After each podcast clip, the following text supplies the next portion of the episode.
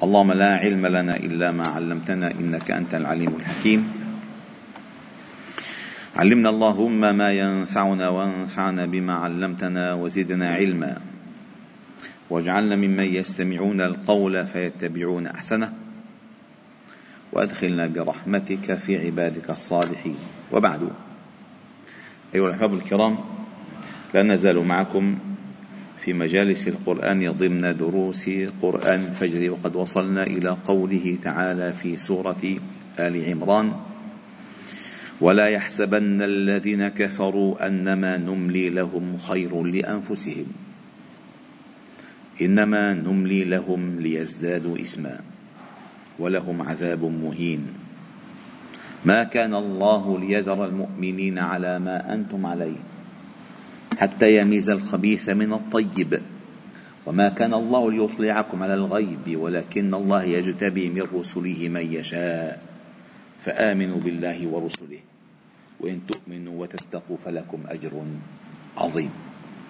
وقلنا نحن أنه في نهاية غزوة أحد. من الآيات المتتالية التي ذكرها الله تعالى وبلغ عددها الستون أو الستين تأتي القواعد التي ينبغي للإنسان أن يضعها في ذهنه دائما ونصب عينيه. قواعد قواعد. فالله جل جلاله افتتح غزوة أحد بقوله تعالى وإذ غدوت من أهلك تبوئ المؤمن القتال وختمها بقوله إنما ذلكم الشيطان يخوف أولياءه فلا تخافوهم وخافوني إن كنتم مؤمنين ثم بدأت الخلاصات الخلاصات. الخلاصات أيها الأحباب الكرام تماما كالدسم تماما كالدسم. الدسم أو تماما كالدبس أو تماما كالعسل. خلينا بالدسم. كيف يستخرج الدسم من الحليب من الحليب؟ بكثرة خضه. خض خض خض خض خض خض. شو آخر شيء؟ يطلع الدسم. هذا الدسم. الآن كل ما يجري في, الك... في على الأمة الإسلامية هو كما يجري على الحليب. بالخض بالخض بالخض. انتهى الخض تميز الصف. بدأت الخلاصة. بدأ الخير يظهر. لأن ربما عند وأنت في في الدوامة لا تفهم ما آلت الأمور. لا تفهم. كما اعترض عمر الفاروق الله مرضى عنه في غزوة أو في عام في صلح الحديبية. قال يا رسول الله ألسنا على الحق وهم على الباطل؟ قال نعم. قال ففيما نعطيهم الدنية من ديننا؟ يا رسول الله ألم تقل أننا سنصلي في المسجد الحرام؟ قال نعم. قال كيف ذلك؟ قال أو قلت لك هذا العام؟ فسكت. فذهب إلى أبي بكر الله مرضى عنه فقال له يا عمر إلزم غرزة فإنه رسول الله وإن الله لن يضيعه. خلاص. أنت لا ترى المآلات. وكل ما حصل في غزوة أو في صلح الحديبية بالظاهر أنه تنازل وتراجع ولكن بالحقيقة هو كان نصرا وفتحا مبينا. إنا فتحنا لك فتحا مبينا. وهذا الفتح ليس فتح مكة فتح هنا على أغلب المفسرين أنه صلح الحديبية. فصلح كان فتحا. فأحيانا تأخذ أنت في السلم ما, ما لم تستطع أن تأخذه في الحرب. وهنا تظهر في المعارك الثمار من الدروس بعد انتهاء المعركة. بعد انتهاء المعركة. وتأتي القواعد. أولا التوجه بالخطاب إلى القائد الأعلى نبينا محمد صلى الله عليه وسلم ولا يحزنك الذين يسارعون في الكفر. التوجيه له حتى يكون نحن بالنسبة لنا التوجيه أولى. فإذا هو النبي الموحى إليه المعصوم لا ينبغي أن يحزنه من يسارع في الكفر. فما بالك نحن؟ ينبغي أن نمتثل. ثم القاعدة إن الذين اشتروا الكفر بالإيمان لن يضروا الله شيئا. لن يضروا الله شيئا. ولهم عذاب أليم. يعني لا يغررك تقلبهم في البلاد. لا تعجبك أموالهم وأولادهم. ما تلتفت لهم. ثم القاعدة التي نحن في صددها ولا يحسبن الذين كفروا أنما نملي لهم خير لأنفسهم. إنما نملي لهم ليزدادوا إثما ولهم عذاب مهين. قاعدة.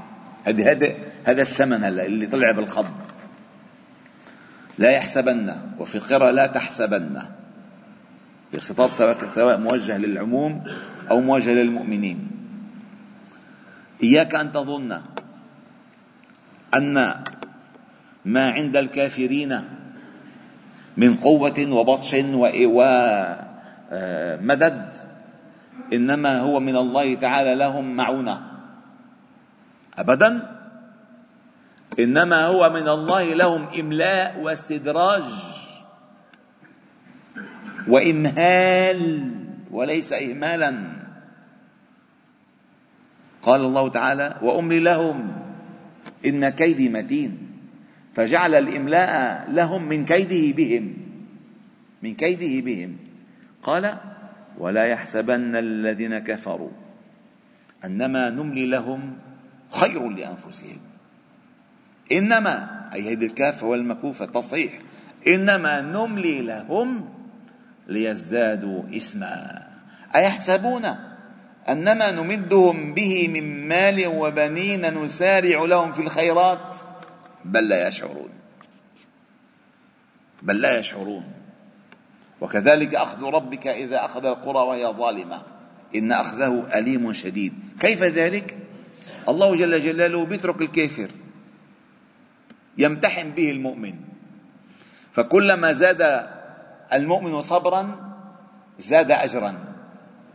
وكلما زاد الكافر فجورا ازداد اسما. فالرصيد للمؤمن طلع والرصيد للكافر طلع. فبتسدد بدل ما يقتل ثلاثة قتل 300 فالحساب على 300 وبدل ما يكون في ثلاث شهداء صار 300 شهيد. فزفت الجنة 300 شهيد بدل ثلاثة. فالصبر زاد الأجر والفجور زاد الاسم. هذا المؤمن هيك بفكر. بفكر لا وين الله. أعوذ بالله. إن ربك لبالمرصاد ولا يخفى عليه شيء في الأرض ولا في السماء ولكن يملي لهم. إن الله لا يملي للظالم حتى إذا أخذه لم يفلت. فتأتي العقوبة على قدر الإملاء. بدل أن يحاسب عن ثلاث سنين إجرام بيتحاسب عن ستين سنة إجرام. ويقول لك لك لهلأ النظام بسوريا ما خلص؟ لأن حسابه كبير. يوم القيامة حسابه كبير. وسيرى المؤمنون يوم القيامة أجر الصبر والثبات الذي كانوا عليه. وربما كانوا يتمنون أن لا ينتهي هذا البلاء عليهم. ربما. فالمسألة ما نستعجل؟ قال آه، آه، خباب يا رسول الله ألا ترى ما نزل بنا؟ ألا تدعو لنا؟ ألا تستنصر لنا؟ وكان متوسدا ببردة على بردة له في ظل الكعبة. وفي كان متكئا فجلس وتمعر وجهه فقال إنه كان من كان قبلكم. ينشر أحدهم بالمناشير من مفرق رأسه إلى اخمص قدميه. وينزع لحمه عن عظمه. صار اللحم انشال عن العظم. وما يصده عن عن عن ذلك شيئا. والله ليتمن الله هذا الأمر. حتى يسير الراكب من حضراء إلى من صنعاء إلى حضرموت لا يخشى إلا الله. سيتم المسألة ولكن بدها صبر. متى هو؟ لا نعلم. متى نصر لا نصر قريب. ولكن الله هو الذي يقدر ويضع الأجل. هنا قاعدة. ولا يحسبن الذين كفروا أنما نملي لهم خير لأنفسهم. عندهم أبراج عندهم بارجات عندهم حاملات طائرات عندهم نفط عندهم غاز عندهم جيش عندهم عندهم عندهم عندهم عندهم عندهم. فيصح هذا المفهوم؟ ولا تعجبك أموالهم ولا أولادهم. إنما يريد الله ليعذبهم بها في الدنيا وتزهق أنفسهم وهم كافرون. فلا نلتفت إليهم. فالمؤمن ليس هذا هو الهدف عنده في النظر. المؤمن عنده الآخرة الآخرة. وتلك الدار الآخرة نجعلها للذين لا يريدون علوا في الأرض ولا فسادا والعاقبة للمتقين. هذا النظر. فقال إنما نملي لهم ليزدادوا إثما علي الرصيد. علي الرصيد. ولهم عذاب مهين في الدنيا والآخرة. وكونوا على ثقة كبيرة في ذلك. أن للكافر في الدنيا عذاب. وفي الآخرة عذاب. ثم الله تعالى قال ما كان الله ليذر المؤمنين على ما أنتم عليه حتى يميز الخبيث من الطيب. وما كان الله ليطلعكم على الغيب ولكن الله يجتبي من رسله من يشاء. فآمنوا بالله ورسله وإن تؤمنوا وتتقوا فلكم أجر عظيم. هذه الآية أيها الأحباب الكرام تحتاج لمجلس خاص لأنها فهم عميق. فهم عميق. نقول طيب ليش هيك متروكين.